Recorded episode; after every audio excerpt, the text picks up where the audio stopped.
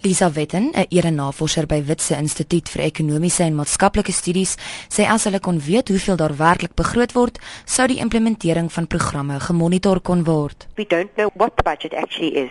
We know for example that last year the Department of Justice said it had no budget for the sexual offences courts. We don't know how much the various departments of social development spend on post-rape care. In four provinces, the Department of Social Development doesn't provide funding for those services at all. I think we see an incredibly mixed picture.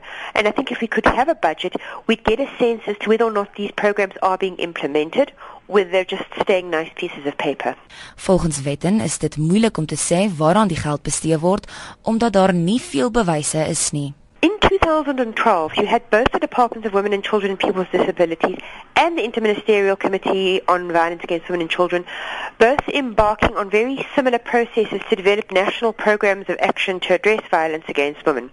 In 2015, three years later, we can see that they've spent about 8.4 million at least on these processes. And at this point, all we have to show for it is a program of action But here we are at the end of 2015 and it still hasn't been released. One does wonder whether that was the best use of that money given how little there is to show for it at this point. Sy sê die departement moet deursigtig wees en ondersteunende organisasies moet indringende vrae vra. Next year come budget speech, we should be watching what Minister Nene says very carefully. We should again be asking what is the budget? And of course, there's a challenge to all MPs when they get departments' annual budgets every year and annual performance plans is to say, tell us the exact amount of money you have allocated towards this activity. We need to ask why government departments are giving their employees increases that are above inflation every year. It makes less money available for the services who provide shelter and do post-rape care.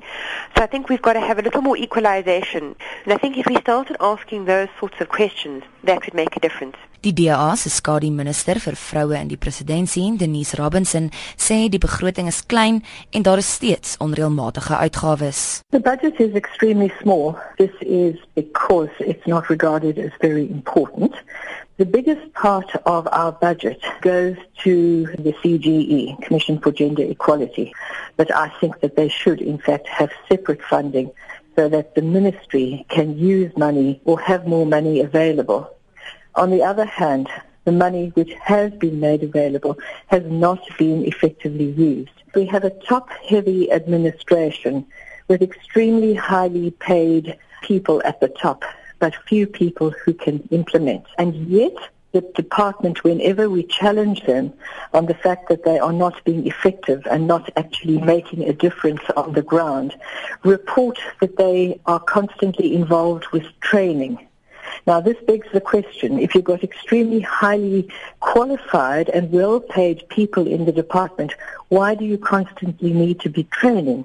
Sy sê die departement word swak bestuur en daar is 'n gebrek aan toewyding. We're supposed to monitor all the departments to see that their budgeting is looked at through a gender lens. We're supposed to have gender responsive budgeting, but I'm afraid this is not really happening effectively. It's not a department that is running well. It has been plagued and beleaguered by problems since the first minister, but I'm afraid it's poor administration, poor management, and lack of focus on what really matters.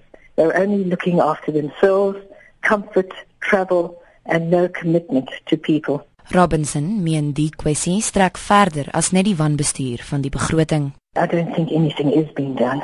There are lots of cosmetic things.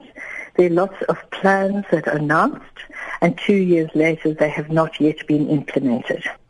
The justice system, women are humiliated and very often their cases are not taken seriously. But we can't just blame the police and the justice.